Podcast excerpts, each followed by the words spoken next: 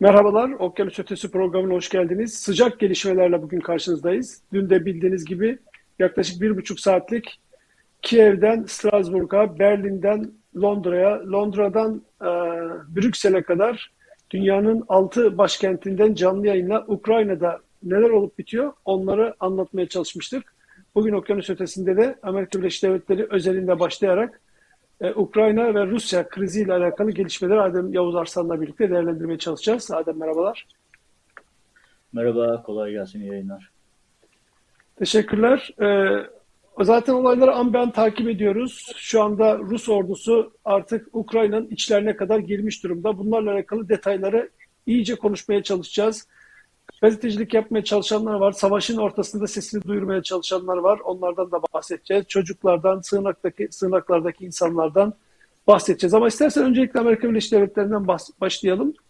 Sonuçta herkes Biden'ın ne diyeceğini, Amerika'nın nasıl bir tavır alacağını merak ediyor. Çünkü Amerika'nın tavrı demek aynı zamanda NATO demek, hatta belki Avrupa demek.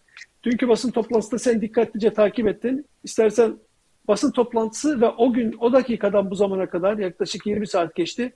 Neler oldu, neler gelişti onları bir özetleyelim.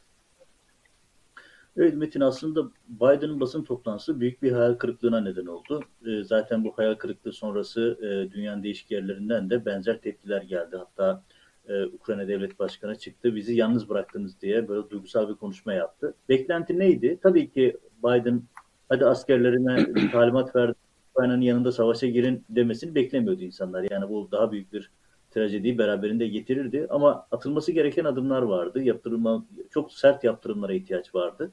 Bir takım yaptırımlar ilan edildi. İşte Rusların büyük bankalarının mal varlıkları donduruldu. Tamam büyük paralar, bir trilyon dolar gibi rakamdan bahsediliyor vesaire. Ama yani e, rakamlar e, ya da işte dondurulan ya da işte kısıtlanan Rus oligarkların bir takım yaptırımları geldi. İşte Washington'daki elçiliğin ikinci adamı sınır dışı edildi. Bu tip adımlar atıldı ama bunlar Putin'i durdurmaya yetecek şeyler değil. Beklenti daha başkaydı. Özellikle SWIFT sisteminden Rusya'nın çıkartılması gündemdeydi. Çünkü SWIFT sistemi şu anda Putin'in canını yakacak en temel konu. Onun ne olduğunu açacağım şimdi ama genel olarak söyleyeyim. Yani e, Doğu Avrupa'ya asker kaydırılması, 7 bin askerin gönderilmesi talimatı verildi. Hani bu ve Rusya için şey pardon Ukrayna'da savaşmayacağız dendi. Bu şu demek, bu Ukrayna'yı kaderine terk ediyoruz demekti. Ve gerçekten de dünya çok büyük bir e, sınav veremedi, olumsuz bir sınav verdi ve Ukrayna'yı yalnız bıraktı. İşte bu basın toplantısından sonra işte dün de bahsettiğim uzun süre yayındaydık. Gece boyunca da gelişmeleri izledik. Putin daha rahat bir şekilde ilerledi. Hatta işte ilerleyen saatlerde Kiev'den görüntüler geldi. Tanklar sivil araçları ezmeye başladı. Şehrin her yerinde Rus askerleri artık gözüküyor. Bu kadar e, pervasızca ilerliyor. Maalesef yani 2022 yılındayız ve bir ülke Rusya göstere göstere başka egemen bir ülkeyi işgal ediyor ve dünya sadece kınamakla yetiniyor. Sadece kınıyor. Şu anda kınamadan başka bir hareket yok. Yani detayları anlatabilirim. Tabii ki dediğim gibi işte e, ekonomik tedbirler var. İşte bir takım ya bir de olimpiyatları Petersburg şey e, Şampiyonlar Ligi finalini Petersburg'dan alıp Paris'e taşıyorsun. Çok büyük yaptırım. Putin'in de çok umurunda sanki yani. Böyle şeyler. E, ne bileyim işte bir takım programlardan çıkılacak. İşte Almanların attığı adım önemli tabii. Yani Nord Stream 2'den çıkartılmak ama yani şey durdurulması ama ya burada çok temel bir konu vardı. Bakın atılması gereken bir tane adım vardı. O da şuydu. Ee, Rusya'yı uluslararası SWIFT sisteminden, bankacılık sisteminden çıkaracaktınız. Tabii bunu çıkarmak çok riskli bir şey. Yani şu açıdan riskli. E, kışın ortasındayız. Avrupa donabilir. Ama bu yapılmadığı zaman çünkü Avrupa Almanya'nın toplam gaz tüketimi yüzde 40'ı sadece Almanya'dan şey Rusya'dan geliyor. Ama SWIFT sistemin esprisi şu. SWIFT sistemi uluslararası döviz transferinin, para transferinin olduğu sistem. Eğer siz Ruslara SWIFT'i kapatırsanız Rusya'nın dünya bankacılık ve finans sisteminden bir anda çıkması demek. Böyle olduğu zaman ne yapacak? Rusya dünya ticaretinden bir anda çıktığı için Rusya'nın en temel geliri petrol ve doğalgaz satışı. Bunları engellendiği anda Rusya'nın gerçekten canı yanacaktı. Ama bunu yaparsanız Avrupa gazsız kalacak. Kalması kaçınılmazdı. Bir süre Avrupa'da gazsız kalma riski vardı ama bu adıma işte dün Biden'a da zaten bu konu direkt soruldu veya sıradaki basın toplantısında. E, Biden da Avrupa buna henüz hazır değil dedi. Avrupa buna henüz, henüz hazır değil demek yani Avrupa gaz e, endişeleri sebebiyle bunu adımı atamıyor dedi. Ama toparlayacak olursam yani e, atılan adımlar çok zayıf. Maalesef e, Ukrayna yalnız bırakıldı. Putin pervasız bir şekilde şu anda bir ülkeyi işgal ediyor. Dünyanın gözü önünde, canlı yayınlarda e, anlık olarak dünyanın gözü önünde bir ülke işgal ediliyor.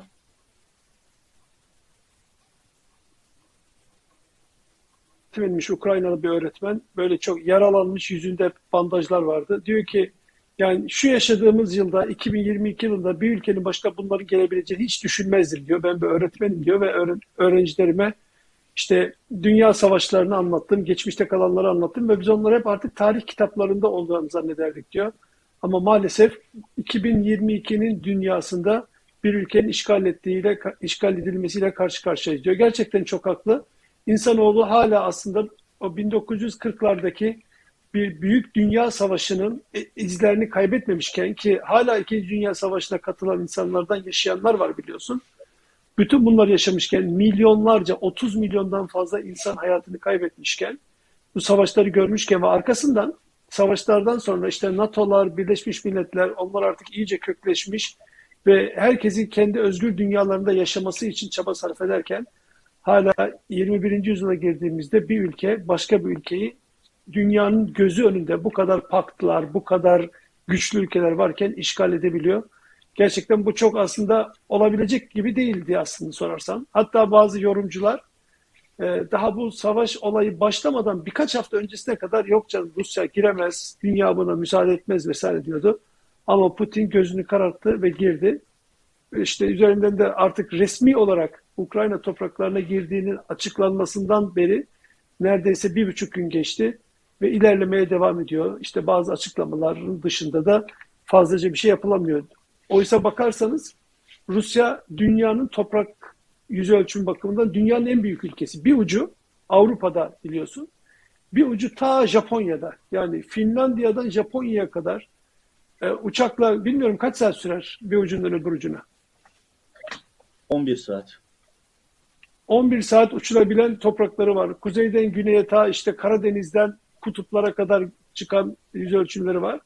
Ve Avrupa'ya şu anda Avrupa'nın içinde olan bir ülke biliyorsun. Ukrayna topraklarının tamamı Avrupa'da. Rusya'nın mesela tamamı değil Avrupa'da. Bir kısmı Avrupa'da bir kısmı Asya'da. Ukrayna'nın topraklarının tamamı Avrupa'da ve bir Avrupa ülkesinin ki Ukrayna'da 40 e, küsür milyon nüfusu vardı yanlış bilmiyorsam. Avrupa'daki Almanya'dan evet, daha büyük Evet, Almanya'dan daha büyük toprakları var. Avrupa'nın en büyük topraklara sahip ülkesi Ukrayna'yı işgal etti yani herkesin göz önünde. Olmayacak gibi gözüken şeyler maalesef olabiliyor. Sen de bir tweette yazmıştın ya, yani bir de bunu görmeden zaten gözlerimizi kapatsak olmazdı demiştin. Bunu da gördük. Yani evet, e, iş e, şu açıdan da endişe verici. Şimdi sadece Putin e, Ukrayna'yı işgal etmiyor. Ukrayna'yı işgal ederken aynı zamanda dikkat edersen önceki işgal öncesi yaptığı konuşmada eski Sovyet coğrafyasının tekrar canlandırılmasından adam emperyal niyetlerini o kadar açık etti ki. Yani şimdi Baltık Cumhuriyetleri şundan korkuyor. Yani Litvanya, Letonya, Estonya zaten el kadar bir coğrafya. Çok küçük biliyorsun orası. E orasını mesela şu an kendini riskte görüyor. Polonya kendini riskte görüyor. Orta Asya Cumhuriyetleri, Türk Cumhuriyetleri kendini riskte görüyor. Zaten gördün geçen aylarda Kazakistan'da yaşanan olaylar Kazakistan'a asker gönderme hemen akabinde Kazakistan'a yönetime bağlı şey Rusya'ya bağlı bir yönetim modeli oluşması. Şimdi e, Putin'in yaptığı şey bu yönden de endişe verici. Bu yüzden zaten birçok aydın yazar çizer tepki daha da yükseltiyor. Çünkü ya adam göstere göstere dünyada işgaller serisi başlatıyor. Yani ülkeleri işgal ediyor. Ülke yönetimlerini değiştiriyor. İşte Beyaz Rusya'da olduğu gibi, başka ülkelerde olduğu gibi Puppet böyle e, şey yönetimler, kukla yönetimler e, koyup onlarla oraları idare etme modeline geçiyor. Burada yapacağı olan da bu. Ukrayna'yı başına Moskova'ya bağlı bir tane vali atacak adam. Vali koyacak oraya ve oradan Moskova Ukrayna'da yönetmiş olacak. Oradan diğer ülkelere zıplayacak. Yani hani Enes'in attığı bir tweet vardı. Putin'in cezalandırılması gerekiyor. Bugün Enes Kanter'in attığı tweet fazlasıyla internette dolaşıyor ve çok haklı bir isyan. Ya insanlar dünya işte e, şey olmamalı şöyle böyle diye gözünün önünde ya dün gece görüntüler var. Görüntüler geldi. Ya Kiev'in dış mahallelerinden, sokaklarından tank sivil aracı eziyor. Yani yönetmenimiz gösterebilir evet. o şimdi görüntüyü. Ya tank, eğer sivil onda bir göster gösterebiliyorsak onu ekrana verebilirsek sevinirim. Evet. Yani düşünebiliyor musun? Yani tank göstererek sivil aracın üzerinden geçti, ezdi geçti. Sivil insanların olduğu yerler bombalanıyor. Ya çocukların olduğu yetimhane bombalandı dün gece. Yetimhane bombalandı. Orada çocuklar var. İnsanlar metrolarda ve ölüm kalım mücadelesinde veriyorlar. Ve bunlar dünyanın göz önünde canlı yayınlanıyor. Sosyal medyadan anlık olarak izliyoruz. Hani bizim jenerasyon şeyi bilir. 91 e, Bağdat e, ilk e, savaşta işte herkes canlı yayında izliyordu. 2003'teki ikinci savaşı ben Bağdat'ta anlatıyordum. Bağdat'ta savaştaydım ben de. Hı. Hani her şeyi canlı olarak aktarıyorduk, at, e, gösteriyorduk.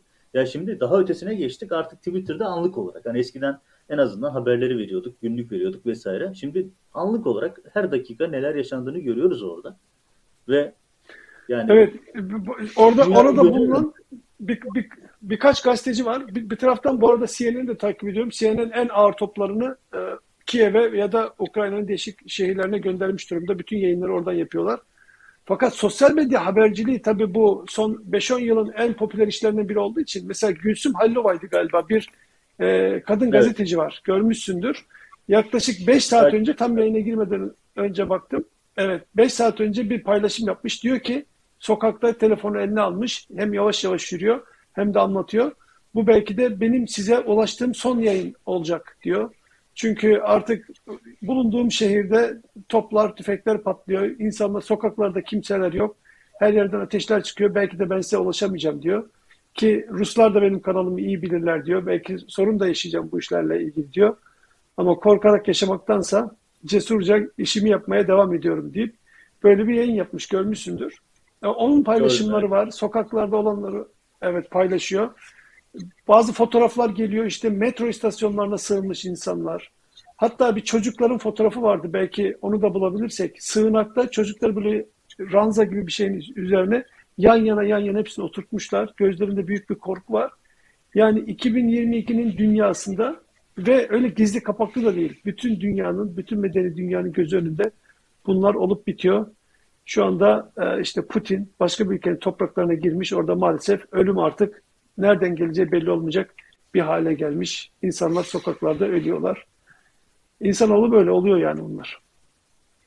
Ya maalesef ama işte burada e, artık etkili adım atmak gerekiyor. Yani dünyanın karar vermesi gereken konu, konu bu. Atması gereken adım bu. Yani ekonomik yaptırımlar Putin'i engelleyebilir mi? Engellemez. Çünkü zaten Rusya uzun zamandır yaptırım altında. Ya bir de ekonomik yaptırımlar bir ülkeyi tümden durduracak olsa İran'ı durdururdu. İran 50 yıldır neredeyse ekonomik yaptırım altında. 40 küsür olmuş. Yani bu kadar yoğun yaptırıma rağmen hala hazırda güçlü. Niye? Çünkü petrol ve doğal gaza sahip bir ülke. Yani rentier ekonomisi var. Bu ekonominin içerisinde bu adamların e, petrolü ve doğal gaz satışından elde ettiği geliri kesmeden yani Swift sistemi o yüzden çok önemliydi. Kesmeden adamı durduramazsın. Başka türlü durmuyor adam. Çünkü doğal gaz tekel. Almanlar mesela hemen tepki gösteriyor ama ekonomisinin, sisteminin yüzde 40, bütün kullandığı gazın yüzde 40 sadece Rusya'dan geliyor. Yani kış ortasındayız. Adam Putin niye kışın ortasında işgal yapıyor? Çünkü Avrupa'nın re- re- refleks vermesini, tepki göstermesini engelliyor. Çünkü gazı kestiğin zaman hayat duracak Avrupa'da. Elektrik kesilecek, gaz kesilecek. Bunu bildiği için de zaten Putin uyguluyor. Ama işte Amerika tarafına bakıyoruz. Dün Putin, şey Biden şöyle bir hava içerisinde de e, ya biz size söyledik bizi dinlemediniz. Yani haklı olduğu bir şey var. Biden ilk andan itibaren Amerika'nın e, istihbaratının Putin'in adımlarını adım adım bildiğini anlattı. Saat verdi, gün verdi ve herkes ya çok abartıyorsunuz falan modundaydı. Şimdi gerçekleşince Biden diyor ki ya ben size haftalardır anlatıyorum. Yani bu adam şu tarihte şunu yapacak, bu tarihte bunu yapacak. Yani istihbaratımız var, biliyoruz diyordu. Hani bu biraz da şöyle bir havaya girdi Amerika. İstihbaratımız ne kadar güçlü gördünüz mü modunda şu anda. Ya iyi adam zaten canlı yayında talimat veriyor gideceğini. Hani haklı olduğu bir tarafı var. Evet Amerikan istihbaratı güçlüymüş. Adım adım teyit etmiş hepsini. Ama şimdi şöyle bir havada Biden. Bak ben dedim dinlemediniz. Şimdi gördünüz mü? İşte adam yaptı. Bir kendine bir haklılık çıkartıyor. Ama onun dışında gerçekten Biden da fena halde haşlanıyor şu anda. Tabii şöyle bir gariplik de var. Sen de görüyorsun Amerika'da e, halkın ilgisi, daha doğrusu medyanın ilgisi, halkın ilgisi, siyasetin ilgisi biraz sınırlı. Neden sınırlı? Yani genel olarak Amerikalılar dünyanın geri kalan kısmına çok ilgilenmezler. Yani genel halk, Amerika halkı, Washington'daki kesimler hariç. Ya mesela dün ben özellikle anketlere baktım. Amerikan halkı ne düşünüyor diye. Mesela Associated Press'in ki Amerika'nın en büyük haber ajansı biliyorsun. Associated Press'in e, bir anketi var. Ya düşündürücü şöyle mesela rakamlara tekrar bakarak söyleyeyim yanlış olmasın. Ya %52'si halkın çok dahil olmayalım modunda. %20'si hiç karışmayalım demiş. %26'sı da hayır yetmez daha aktif rol almalıyız demiş. Sadece %26. Yani %75'i koskoca ülkenin biz bu işe ya karışmayalım ya da çok az karışalım demiş. Bence çok düşündürücü. Yani Biden'ın biraz da böyle e, çünkü önümüzdeki biliyorsun Amerika'da önemli bir ara seçim var. E, senatonun kaderi belli olacak. O yüzden çok anketlere de duyarsız kalmıyorlar. Hı. Ama eleştirilebilecek bir şey. Bence Biden'ın Afganistan fiyaskosundan sonra e, hanesine yazan ikinci bir çentik bu. Ben açıkçası bunun da Biden'ın hani o şöyle Biden hep şöyle diyor ya Amerika'da biliyorsun bir de başkanların legacy'leri, efsaneleri vardır. Böyle mirasları vardır pardon. Şeyler mesela ne diyor işte Biden benim artık yaşım geçti son dönemim. Bu döneminde dünya barışına katkı sağlayacak adımlar atacağım. Seçim vaadiydi bu. Ve şimdi geldi Afganistan'da yaşanan rezalet ortada. İnsanlar uçaklardan düştüler, sokaklarda öldüler. E şimdi akabinde Rusya gözün içine baka baka dünyanın başka bir ülkeyi işgal ediyor ve Amerika işte bir takım ekonomik yaptırımlar açıklamanın ötesine geçemiyor. Yani dünya düzeni ilgin düzeniyle ilgili hayli endişe verici bir durum. Tabii şöyle de yani herkes evet. aynı şeyi de düşünüyor. Türkiye'de kadar Türkiye bahsine gelince yine konuşuruz ama ya Putin yarın bir gün çıkıp ya şu boğazları da ben alıyorum kardeşim dese Türkiye'ye mesela. Hani Türkiye tabii NATO ülkesi bu kadar kolay diyemez ama yani ben acaba öyle bir durumda da dünyanın geri kalanının dayanışma mesajlarıyla kalacağını mı e, düşünüyorum? Evet bahsettiğim fotoğrafta geldi. Evet. Bak bunlar çocuklar 7-8 yaşlarında çocuklar gözlerindeki korkuyu görüyor musun? Burası bir sığınak. Hepsini yan yana oturtmuşlar. Ve öyle bekliyorlar. Ne olacaklar da bilmiyorlar. Muhtemelen şu anda fotoğrafta görülmeyen bir kargaşa var orada ve muhtemelen yukarılardan bomba sesleri duyuyorlar. Bunlar hayatlarının geri kalanında bu travmayı nasıl atlatacaklar? İstersen şimdi hemen e, bu görüntülerde göstermişken Ukrayna'ya, Kiev'e dönelim. Ateş altındaki evet. şehirde, Kiev'de bulunan Yunus Bey'e bağlanalım. Yunus Bey merhabalar. Merhabalar. Yani şu anda tam Her şey olarak şey gerçekten Ön, e, yani e, şey jetler şey uçuyor. Mı? Yani en azından e, ben yani nerenin güvenli ol ya bir savaşta nere güvenli onu bilemiyorum. Yani üstümüze jetler uçuyor. Neresi güvenli? Yani burada okulları da vurdular bu arada. Kreşi vurdular. iki tane çocuk yaralandı göğsünden. Ameliyat aldılar. Yani hiç ayrım yapmıyorlar. Yani burası eğitim kurumu ya da işte burası hastane demiyorlar. Şu anda bir hedef gözet, gözetmeksizin hedefe ulaşabilmek için hedef gözetmeden şehirlere bomba yağdırıyorlar. Grad füzeleriyle. Yani Putin bir an önce hedefine ulaşmak istiyor ve karşısında beklemediği bir mukavemet gördü herhalde. Yani bu kadar da mı mukavemet beklemiyordu bilmiyorum ama beklemediği bir mukavemet gördü. Ukrayna ordusu şu anda direnişine devam ediyor. Gerçekten şanlı bir direniş. O kadar yalnız bırakıldılar ki yani şurada bütün dünya, burada insanlar gerçekten korkuyla e, o çocukların halini gördünüz. Nitekim kendi çocuklarımız var. Onların gözlerindeki korkuyu görüyorum ben her gün. Kolay değil yani hem bir baba olup hem gazeteci olup. Daha önce ben böyle haberlere gittim işte Arakan'a gittim, Haiti'ye gittim. Yalnız gittiğiniz zaman problem değil yani. Sonuçta biliyorsunuz yalnızsınız yani. Şu anda gerçekten Ukrayna'da bir savaşın ne olduğunu tam olarak görüyorsunuz. Yani burada duruyoruz. Biz biz yani öyle bir şey ki yani e, kettle'ın suyunu duyuyorsunuz. Acaba işte e, şey mi geçti? Bir kaynama. Yani o artık bir panik hali oluyor yani. E, dolayısıyla Yunus burada Bey, gergin Bey, yani. E, Şimdi e, siz burası eviniz mi şu gördüğümüz yer? Yok burası ben kendime güvenli bir yer buldum. Yani buradan güvenli geri sığınıp Yani. Peki orası yani bir yerde duruyorsunuz. Şimdi evet. su, insanlar susar, acıkır. Dolayısıyla bir herhalde belli bir süre yetecek suyunuz, yiyeceğiniz olabilir. E, onlar bitince dışarıda market yok, her yer kapalı. Yani ne olacak? Böyle siz ya da diğer insanlar ne yapacaklar? Sığınaktakiler ne yiyip içecekler? Bu iş ne kadar süreceğini de bilmiyorlar. Yani sığınağa girenler de zaten yanlarına aldıkları şey ancak onlar bir gün yeter, iki gün yeter. Yani ondan sonra ciddi bir insanlık dram başlayacak. Yani yağma başlayacak burada. Yani yağma başlayacak. Bunun başka izahı yok. Yani insanlar artık e, herkes düşman olacak yani. Sadece Rus değil, Artık herkes birbirine düşman olacak. Şu anda ekmeğimizi paylaşıyoruz. Elimizdeki şeyleri paylaşıyoruz. Var olduğu için işte bir insanlar gördüm. Bugün biraz vardı onlara verdim. Aldılar, teşekkür ettiler. Şu an veriyorsun ama yarın verebileceğiz mi? Ya da yarın biz ne yapacağız? Yani bu gerçekten yani bir 15 gün yani sonra çok ciddi gıda krizleri çıkacak. Yani bugün Kiev Belediye Başkanı Klitschko da dedi su ve gıda stoklayın dedi. İşte kıyafetlerinizi alın dedi. Bu ne demek? Şu demek yani şu anda ısınma sistemi Kiev'de çalışıyor. Burada merkezi ısınma var. Yani bütün okullar, hastaneler, binalar tek bir merkezden ısıtılıyor. Yani orası vurulduğu anda Kiev'de ısınma bitmiş olacak. Vurulduğu anda iş bitmiş olacak. Artık ısıtamayacak Kiev'i. Dolayısıyla bu kış gününde soğuk bir Kiev olacak. E, dolayısıyla üst baş önem kazanacak haliyle. insanların bir ısınma ihtiyacı var. Bu işte fotoğraflar vardı. Ayakları mosmor olmuş çocuklar var. Buz gibi metro istasyonunda. Oralarda tuvalet yerleri yok. Yani insanlar oralarda hep yani sığınak var bir tane klozet var. Klozetin e, bağlantısı yok. Lağım şey yok. Yani klozeti koymuş ama klozetin gideri yok yani. Dolayısıyla sığınaklar da bakımsız.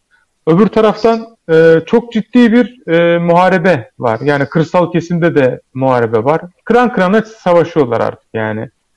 E, dolayısıyla o yansıyanlarda neler var? Yani dünkü yayında konuşmuştuk. Sokak çatışmaları, şehir savaşı bekliyor muyuz şeklinde. Çünkü ben geceden bu yana gördüğüm kadarıyla iş o aşamaya doğru geçiyor. Hatta Zelinski e, çelik yeleğini kaskını giymiş sokaklardaydı. Yani bir e, şehir savaşı aşaması ne aşamada? Ona gelindi. Şu anda e, Kiev'in Abalon diye bir ilçesi var. E, ya çok değişik bir taktik izlediler Adem Bey. E, Ukrayna'nın ele geçirdikleri bazı zırhlı araçlarıyla o asker taşınan kamyonlar var ya onlar bunlar ele geçiriyorlar. Belki onlar zaten vardı. Sonra o Ukrayna kamuflajlarını giriyorlar. Ukraynalılar da zannediyorlar ki bunlar Ukrayna Adamlar bu şekilde Kiev'e kadar geldi. Kiev'e geldiklerinde ayıktılar ve Abolon bölgesinde işte o noktada çatışma başladı. Adamlar bu şekilde yani bir e, değişik bir Ruslar bunu Kırım'da da yapmıştı. Aynı taktiği yaptılar. Kırım'da geldiler. Herkes onlar Ukrayna zannetti, askeri zannetti. Bir anda onların Rus askeri olduğu anlaşıldı. Bu taktik her zaman tutuyor. Yani düşünün şimdi Türkiye'de bir savaş durumu var. Bir konvoy geliyor, Türk bayrakları var. Askerlerin üstünde hepsinde Türk kamuflajı var. E bir de hani bunlarda ayırt edemiyorsun. Hepsi Slav ırk olduğu için zaten tip aynı. Yani tip aynı. Ama sonra bir bakıyorsunuz ateş açmaya başlıyorlar. Ee, o yani o hattın gerisine geçtikten sonra o e, mevzilerdeki insanları vurmaya başlıyorlar. Yani e, her türlü savaş hilesini şu anda Putin kullanıyor. Yani hiçbir de savaş yani hani savaşın kuralı zaten yani biz bizde biraz yani e, vicdan var da bu e, Ruslarda bu savaşın hiçbir kuralı yok. Hiçbir nizamı yok, intizamı yok. Yani hastane vurmuşuz, sağlık ocağı vurmuşuz, okul vurmuşuz. Böyle bir düşünceleri yok yani. Adamlar gratları diziyor.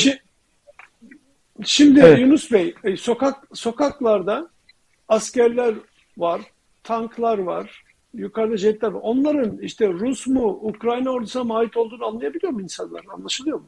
anlamak çok güç çünkü e, anlamamız için yani o mesafeden Ukrayna'nın e, amblemini görmek için dürbün lazım bir kere. Yani onu normal çıplak gözle kara bir uçak uçuyor. Yani siz kara bir uçak görüyorsunuz. Onun üzerindeki e, amblemi e, görmeniz için çok çok yakın yani nasıl söyleyeyim yani dokunacak mesafede olması lazım ki algılayabilirsiniz onun üzerindeki amblemleri. Dolayısıyla biz uçak uçuyor diyoruz. Yani bunlar Rus jeti de olabiliyor, e, Ukrayna jeti de olabiliyor. Yani onu ayırt etmek için ya çok iyi bir asker olmak lazım. Gerçi bunların uçakları da aynı. Hani hmm. asker olsak belki deriz ki bunlar F-16, bunlar MiG.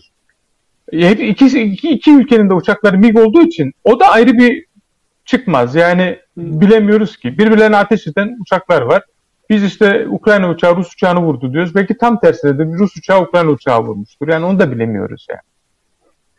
E peki şimdi Şekilde sokaklarda... buyur, buyur, buyur Adem. Şehirdeki tahliye ne aşamada? Dün yoğun bir şekilde tahliye vardı. Ee, insanlar akın akın e, batıya doğru gidiyorlardı. Başka ülkelere, başka şehirlere gidiyorlardı. Şu andaki şey ne durumda? Şehirde e, nüfus ne oranda azalmış durumda? Yani çoğu insan artık e, valizlerini alıp e, toplu taşıma araçlarıyla, otobüslerle, tren seferleriyle batıya doğru gidiyorlar. Çünkü artık Kiev çok ciddi bir e, çarpışma sahası olacak. Yani artık Kiev bildiğimiz bir e, savaş meydanına dönecek. Onu gösteriyor. Kuzeyden çok ciddi şekilde geldiler. E, geldiler. Rusya aldıktan sonra da arkaya takviye birimleri getiriyor. Takviye birlikleri getiriyor. Şu anda görüntülerde de gördüğünüz gibi müthiş bir e, çıkış yollarında yoğunluk var. Şu anda bu görüntüler biraz değişti. Kiev çıkışı sakinledi ama bu görüntüler e, sınırlarda birikti. Yani 30 kilometre sınırlarda kuyruk var diyorlar. 6 saat, 10 saat, 20 saat bekleyenler var. Bir de benzinleri tam sınıra gelirken biten insanlar var. Onlar geri yola işte 20 kilometre kala bitiyor, 30 kilometre kala bitiyor. Onlar da yola geri yürüyerek devam ediyorlar. Yani yollarda kazalar olabiliyor. O kazalar da bu trafiğe neden kullanıp gelemesin diye bir strateji olarak bazen Ukrayna'da altyapıyı vurabiliyor. Yani Ruslar geliyorsa mesela diyelim asfaltı aldı geliyor. Yani şu anda bu gösterdiği yer Taras Shevchenko bulvarı. Ee, başkent Kiev'in en önemli bulvarından bir tanesi boş. Yani zaten şöyle hani bazen jetler uçtuğu için, bombardıman olduğu için de boş. Artık sokağa çıkma yasağı olmasa da boş. Çünkü insanlar çok benzin yakmaya da cesaret edemiyor. Çünkü benzin sıkıntısı var had safhada. Başkentte benzin yok. Yani şu an benzin yani çıkmak isteseniz bile aracınızla çıkamazsınız çünkü benzin yok. Dolayısıyla böyle tam bir e, kaotik bir duruma doğru, kaosa doğru gidiyor. Yani bu kaostan e, buranın kendi inisiyatifiyle, kendi çabalarıyla çıkması mümkün değil. Adem Bey de dedi. Yani Rusya'nın ekonomik yaptırımdan korkmasına gerek yok ki. Karadeniz'deki bütün petrolleri şu anda Rusya çıkartıyor. Rusya'nın.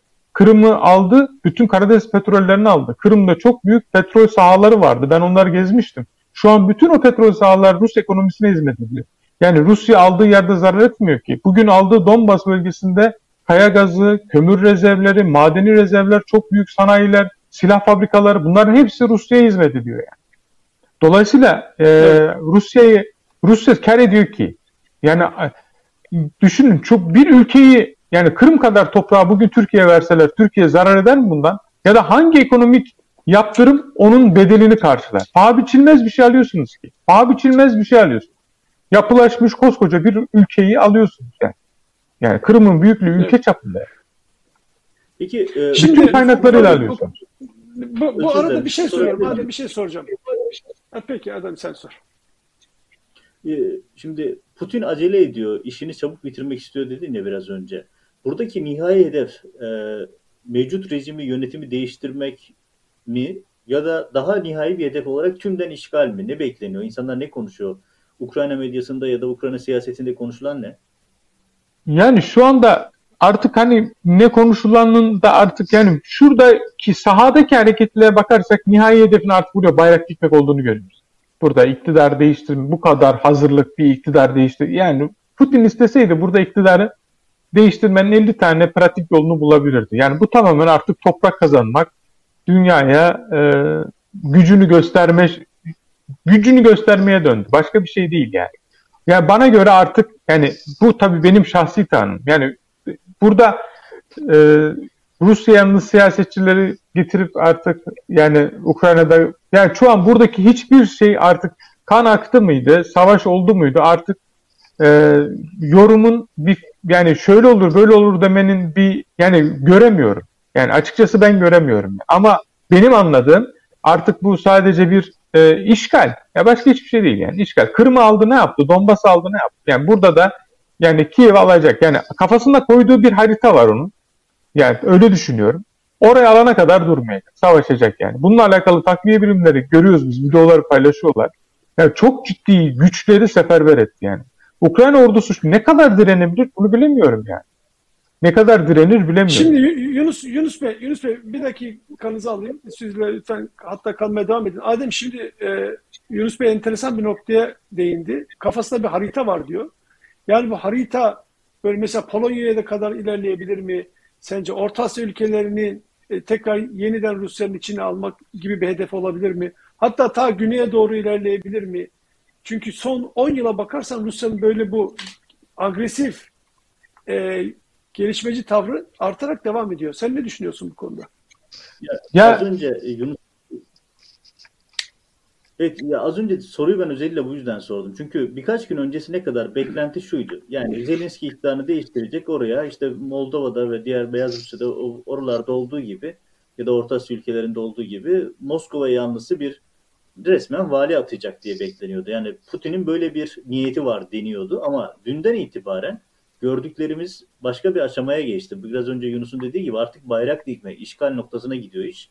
Tabii böyle bir tablo bir de Putin'in önceki işgalden önceki gün yaptığı konuşma düşündürücü. Yani orada bahsettiği zaman artık ben Baltık ülkelerinin de risk altında olduğunu, Polonya'nın da risk altında olduğunu, işte e, Özbekistan, Kazakistan, Türkmenistan gibi ülkelerin de risk altında olduğunu düşünüyorum. Çünkü Putin kendini eski Sovyet coğrafyasının tekrar bir artık çar mı, artık bir lider ne olarak tanımlayacaksak o şekilde görüyor gibi bir düşünceye kapıldık. Çünkü e, niyetini açık etti o konuşmayla. O yüzden artık iş sadece Zelenski'yi devirelim, buraya bir tane vali atayalım noktasının ötesine geçmiş gözüküyor. Pek çok analiz tabii ki yapılabilir.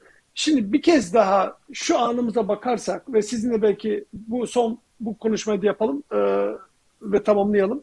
İnsanlar batıya doğru ilerliyor diyorsunuz ya. Eğer bu şekilde devam ederse bu çatışmalar bir hafta, on gün, bir ay, iki ay daha. Dolayısıyla insanlar artık yiyecek, içecek bulamayınca Avrupa'nın, Polonya'nın, Almanya'nın yani Polonya'dan sonra Almanya kapılarına dayanıp Avrupa'ya yeni bir göç başlayabilir mi? Çünkü benim bildiğim kadarıyla zaten Ukrayna'daki ekonomik şartlar çok iyi olmadığı için onlar sürekli Avrupa'ya gitmek için bir çaba içindelerdi. Geçmişten itibaren bahsediyor. Artık bu iyice de gün yüzüne çıkınca e, Polonya üzerinden Avrupa'ya açılmak için insanlar sınır kapılarına dayanmış olurlar mı sizce? Ya zaten şu anda dayandı. 30 kilometre sıra var. Araç sırası var. 30 kilometre. Peki, pe, yani, peki, peki kapılar açacak mı? Polonya açıyor mu kapıları? Açtılar, açtılar. Yani şu anda kimlik kontrolü yaparak alıyorlar. Yani kapılar açtılar. Polonya zaten 1 milyon kişilik hazırlık yapmıştı yani. Yani dolayısıyla o kapıları Polonya, açtılar yani. Polonya'ya geçtikten sonra Avrupa'nın her yerine Ukraynalılar dağılacaklar, yayılacaklar demektir. Tabii tabii tabii yani Polonya'da kalmazlar. Polonya'da kalacak olanlar vardır. Orada akrabaları vardır. Polonya ile çok yakın ilişkileri var. Bir de Polonya ile Ukraynaca dili çok yakın birbirine anlaşabiliyorlar. Sadece alfabe değişik. Onlar e, Latin alfabesi, burası Kiril alfabesi. Yani Polonya onlara çok sıcak geliyor. Dolayısıyla Polonya'da kalacak olanlar da vardır. Yine Almanya, Hollanda gibi diğer Avrupa ülkelerine geçecek olan da vardır. Avrupalı Ukraynalıyı sever. Sonuçta aynı kültürü yaklaşık yani medeni bir halk. Hepsi üniversite mezunu, bir üniversite, iki üniversite mezunu. Çoğu kalifiye, kalifiye olmayan eleman yok. Yani hazır iş gücü aslında Avrupa için. Hepsinde de e, yani bu Rusya'da meslek edin meslek gruplar olduğu için yani kalifiye eleman. Böyle mesleksiz insan yok. Yani tarım işçisi olarak da kullanabilecek, e, programcı olarak da kullanabilecek, dil biliyor, matematikte, fizikte çok iyiler. Yani kaliteli eleman geldiği için yani Avrupa'nın buna hayır diyeceğini zannetmiyorum. Direkt kendisine adapte olabilecek. Kültür olarak adaptasyon sorunu yok. Yani her türlü işine gelecektir yani. Onu alabilirler. Evet, şimdi, onda problem çıkmayacak. Yunus, Yunus Bey lütfen tekrar kalın. Adem şimdi e, eğer Zafer Bey şey açarsa, haritayı tekrar açarsa Rusların bu Çernobil'i almasının yani böyle dünyaya sağlık açısından tehdit, tehdit edecek bir taraf var mı? Çünkü çok en çok konuşulan konulardan bir tanesi bu. Çernobil'i aldılar ve bu işte Çernobil meselesini hepimiz biliyoruz. E, bu artık dünyayı tehdit edecek başka bir e, nükleer bir sorun haline de gelebilir deniyor. Sen ne diyorsun Adem ya da Yunus Bey? Zaten, ne diyorsunuz? Zaten orada patlamış bir e, nükleer reaktör var. Yani patlamış bir nükleer reaktör olduğu için artık o hala çevreyi kirletiyor. Yalnız orası aynı zamanda nükleer atık merkezi yapılmıştı.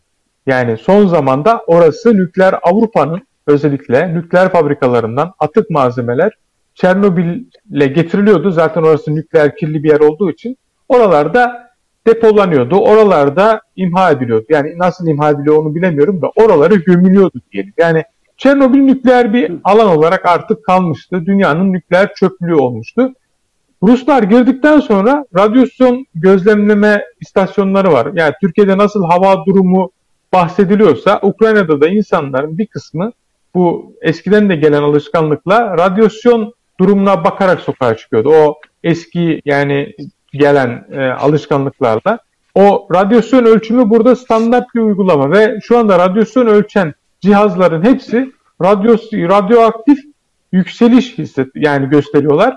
Yani bir radyasyonda yükselme oldu. Artık demin orada çatışma olmuş olabilir. Belki bir nükleer atıklar saçılmış olabilir. Ya, ya da orada nükleer e, konteynerlar var. Onlardan biri hedef olmuş olabilir. Yani ne sebep oldu onu bilemiyoruz çünkü sahadan çok işte bu görüntü şu an nükleer santralin olduğu yer. E, tanklar var. Belki orada bir Ukrayna tarafı direniş gösterdiyse çatışma olmuş olabilir. Bir sızıntıdan yeniden bir nükleer yükselişinden bahsediliyor. Tabii bunları ben teyit ya da doğrulayamıyorum ama Ukrayna medyasında radyoaktif radyasyonun yükseldiğine dair haberleri gördük.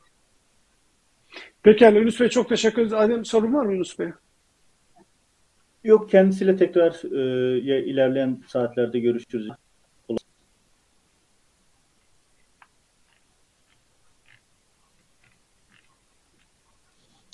Adem şimdi biz devam edelim. Ee, Türkiye meselesine bakarsak şimdi petrol fiyatlarında çok aşırı bir artış bekleniyor Rusya'dan dolayı. Türkiye ben de Twitter'dan bakıyorum insanlar artık diyorlar ki depoları doldurun falan. Zaten depoları doldurmak 700-800 lira olmuş. Bu krizden Türkiye ekonomisi sence nasıl olur e, etkilenir? Şu anda 15 liraları bulmuş. Kaça çıkacak burada bundan sonra da? Ya şöyle ifade edeyim. Şimdi tabii bu Erdoğan'ın en çok istediği şeylerden bir tanesi. E, buradan iç politikaya gelebiliriz. Yani Erdoğan ciddi anlamda e, Rusya'nın Seste bir sorun mu var bana? Ukrayna ile ilgili sıkıntı var mı seste bilmiyorum. Ukrayna ile ilgili tavırları Erdoğan'ın durumu idare etme. Onun ötesine geçmiyor. Yani sadece durumu idare ediyor. E, bu şu açıdan da Türkiye için önümüzdeki dönemde çok büyük riski beraberinde getiriyor. Bir tanesi şu, e, petrol fiyatları dünyanın her yerinde zıpladı. Bank of America'nın perspektifine göre 20 dolar daha artacak. Yani bu çok ciddi bir, biliyorsun Amerika'nın en büyük bankası Bank of America. Onun perspektifine göre petrol fiyatlarında 20 dolarlık bir artış bekleniyor. Bu artık hani şöyle ifade edeyim. Zaten Türkiye dünyanın en pahalı petrolünü kullanıyor. Bugün de 1.51 lira gibi bir rakamda astronomik bir zam geldi. Birkaç gün içerisinde biz petrol e, Türkiye'de benzinin litre fiyatını 20'lere doğru görürsek şaşırmamak lazım. Artık çünkü önünde durduracak bir baraj kalmadı.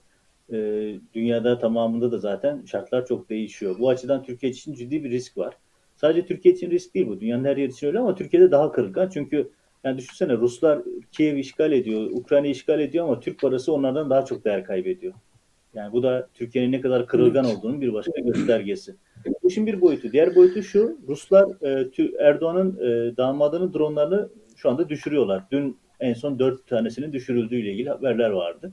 Hani Erdoğan ciddi bir pazar kaybetti. E, tabii Türk ekonomisine kaybı özellikle turizmde ve ithalatta, gıda ile ilgili ithalatta, ticarette olacak. Çünkü Türkiye'ye en çok turist gönderen üç ülkeden ikisi Ukrayna ve Rusya, diğeri de Almanya böyle bir ortamda Türk ekonomisinin çok ciddi krize gireceği muhakkak. Ama yani bu ortamda ekonomik krizleri tartışmayı da çok etik görmüyorum. Çünkü insanlar ölüyor. Yani büyük bir trajedi var karşımızda. Dünyanın gözü önünde bir ülke işgal ediliyor. Yani şimdi görüntü, evet şu görüntü diyecektim ben de. Bak şimdi şurada Rus tankı yolda geçen bir arabayı eziyor. Yani düşünebiliyor musun? Şu anda bu Kiev'de yaşanan bir hadise. Yani görüntüyü daha net tekrar görebiliriz. Bakın şu görüntüye bakın. Bir Rus tankı yolda geçen bir sivil aracı izliyor. O görüntünün devamlarında da var. Görüntüler de var. Yani resmen ezip geçmiş. Hani bir tank sivil araçla karşılaşınca ne yapılıyor? Hani biz hani biz 15 Temmuz'da tankları atletikadık efsanesi var ya. Yani bunların efsane olduğunu gösteren bir başka realite bu. Bir tankla karşılaşırsanız tank ezer geçer. Öyle atletikamayla falan olmaz bu işler. Ama bu, bu tabii e, savaş bölgesinde kameraya yansımış görüntü. Kim bilir yansımaya neler oluyor ve Peki. Ya bu savaşta yaşanıyor. Evet, işte bu, bu otomun. Evet şu şu ol, olayda. Ya şimdi şu var. E, Metin az önce Yunus anlatırken birçok şeyde hep aklıma o geliyor. Çünkü ben de bu tip çatışma ortamlarında bulundum. 2003'teki savaşı Bağdat'ta izlemiştim. Bir savaş ortamında önce gerçekler ölür. Önce gerçekler ölür. Çünkü bütün bilgiye ulaşmak zaten büyük bir sıkıntıdır. Bilgiler manipülatif olur, manipülasyon olur, teyit etme imkanları çok zordur. Yani şöyle düşün, ben Bağdat'tayım, çatışma şey, bir yerlere bomba düşüyor e, ulaşamıyorsunuz. Saddam'ın askerleri o zaman onlar işte belli oranda size bilgi veriyor. Şu kadar yer vuruldu, şu bir insan öldü. Gidip görme şansınız yok. E, sonra Saddam devrildi, Amerikan askerleri devraldı. Onlar bilgi veriyor. Onu da teyit etme imkanı yok. Yani savaş ortamında maalesef önce gerçekler ölüyor. O bir acı realite.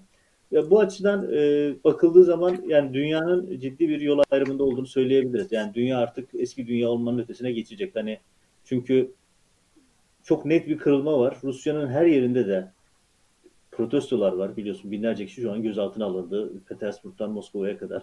Dünyanın her yerinde protestolar da var. E, bu yüzden bu tartışma uzun süre devam edecek gözüküyor. Tabii Türkiye boyutunda şunu da var. Ya dikkatimi çeken bir şey var. Gerçekten akıl alır gibi değil. Türkiye'de hani Rusya sevdalısı olan belli bir kesim var. Bunu biliyoruz. Hani Rusya'dan kastım politik anlamda yoksa başka bir anlamda değil. Ya bunlar birkaç gündür medyada da baya çok sesi çıkan insanlar bunlar biliyorsun. İnanılmaz güzellemeler yapıyorlar. Yani mesela dikkat edin çatışma, savaş ifadesini ya burada bir savaş yok, işgal var. Net bir işgal var burada. Yani işte Rusya-Ukrayna savaşı diyor. Rusya-Ukrayna savaşı değil bu. Putin'in işgali söz konusu. Yani Putin işgal ediyor orayı. Adını doğru koymak lazım. Ya NATO terör örgütü NATO ya bu olayın NATO ile ilgisi, NATO'nun burada suçlanması gerektiren bir durum var mı? Ya ben gerçekten bunu ayetler içerisinde izliyorum. Ya öyle bir Rusya güzellemesi devam ediyor ki hani Perinçek'i anladık. Perinçek zaten hani arkadaşlarımız o tweet'i ekrana getirebilir. Ya Perinçek zaten bu. Yani Perinçek'e yeni tanıyan ve kol kola girip ittifak yapan Erdoğan rejimi ve AKP yandaşları için sürpriz olabilir. Bizim için sürpriz değil. Perinçek zaten bu. Perinçek böyle bir adam. Ya düşünsenize Ruslar insanları öldürüyor ve Perinçek diyor ki bunlar diyor barışı getirecek. Şey, tam ifadesini e, not almıştım. Rusların e, ateşi diyor bası, barışı ve huzuru getiren silahtır diyor. Rus ateşi. Ya insanlar ölüyor ve Perinçek çıkıyor Türkiye'de bir siyasi parti başkanı bunu söylüyor. Benim tabii üzerinde ayrıca düşünmemiz gereken, belki de ayrıca bir yayın yapmamız gereken bir konu şu. Ya Türkiye'de birçok kritik görevde bulunan Genelkurmay İstihbarat Dairesi Başkanlığı gibi, Genelkurmay Harekat Başkanlığı gibi, Ordu Komutanlığı gibi çok kritik görevlerde bulunan generaller emekli olur olmaz Perinçek'in yanına gidiyorlar. O partide görev alıyorlar. Ya bir insan siyasi kariyer yapabilir, isteyebilir. iktidar olmak isteyebilir. Bunun için gider iktidar olabilecek bir birimde, bir partide hareket eder değil mi? Bakıyorsunuz ya yüzde sıfır sıfır bilmem kaçlık bir oy alabilen bir parti, hani esamesi okunmayan bir parti. Ama şu anda iktidar ortağı, Erdoğan'ın yandaşı. Ya bir yapıya gidip orada rol alıyorlar. Ben otomatikman şunu düşünüyorum. Ya bu insanlar yıllar boyunca TSK'da görev yaptılar. Acaba diyorum ya bunların ilişkileri nasıldı? Yani birileri orduya sızma muhabbeti yapıyor ya. Ya orduya sızmanın kralını kendileri yapmışlar zaten. Mesela hatırlatalım, hatırlatalım. Enver Altaylı'nın tutuklanma dosyasında çıkan bir belge vardı. Ee, Genelkurmay karargahındaki dostu, Rus dostu isimden bahsediyordu. Kuvvet komutanlığındaki isimden bahsediyordu.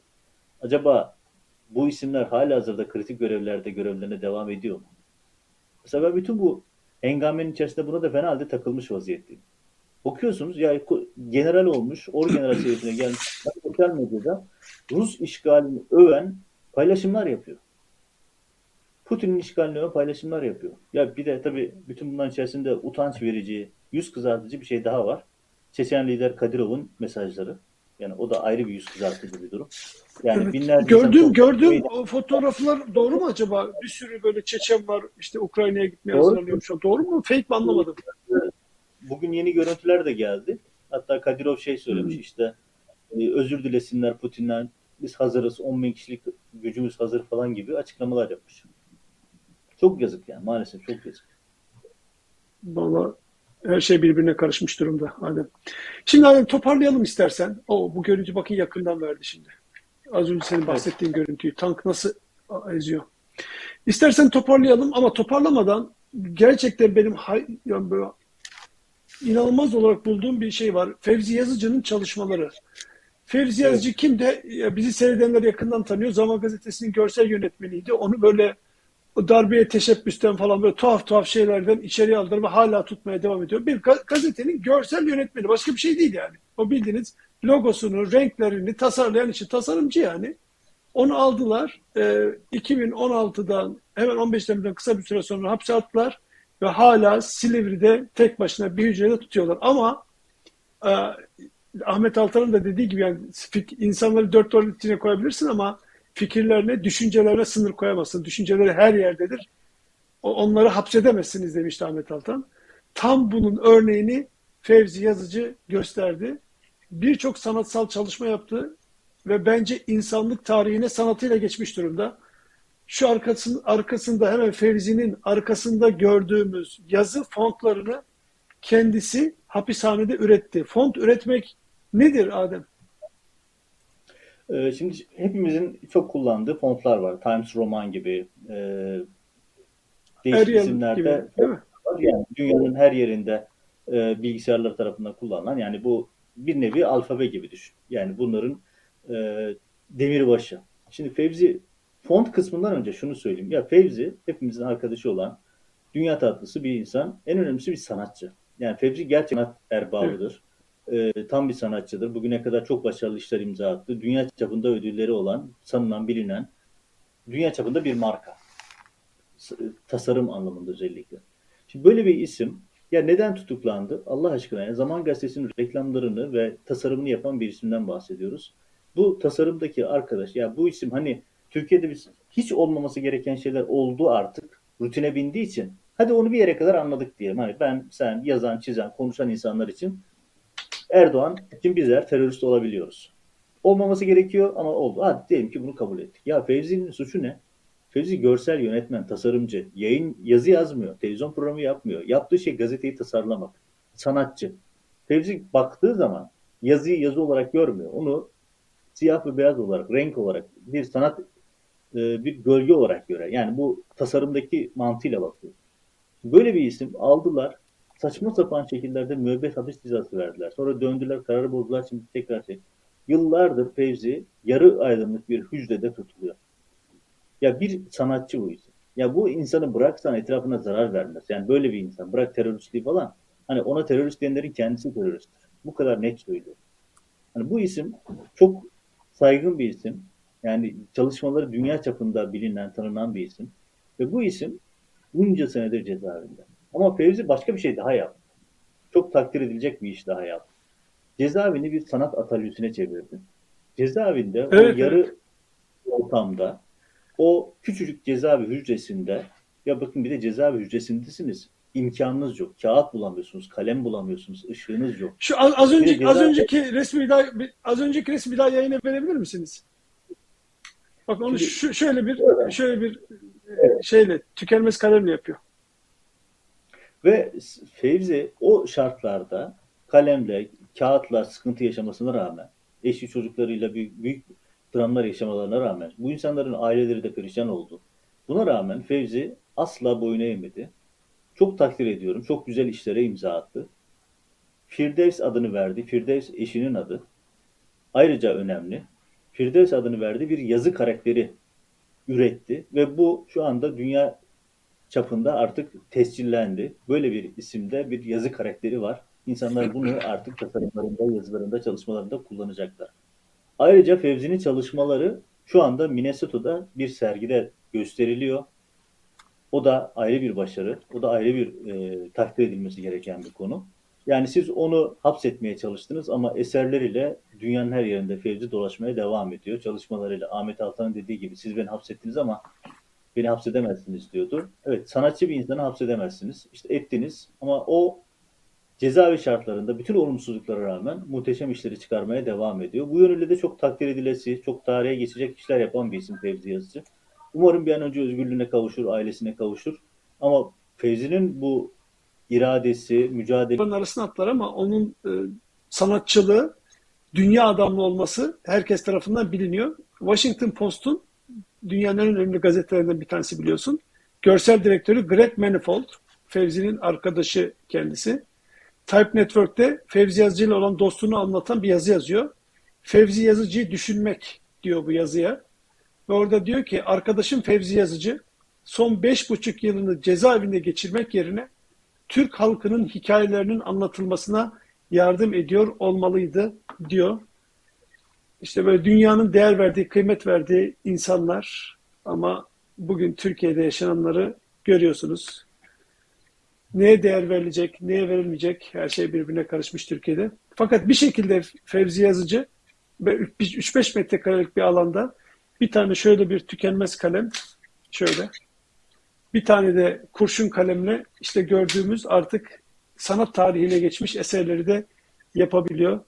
O artık bundan sonra bence böyle anılacak sanat tarihi kitaplarında geçecek birisi olarak daha şimdiden yerini aldı. Bundan sonra da kim bilir ne eserler üretecektir diyelim.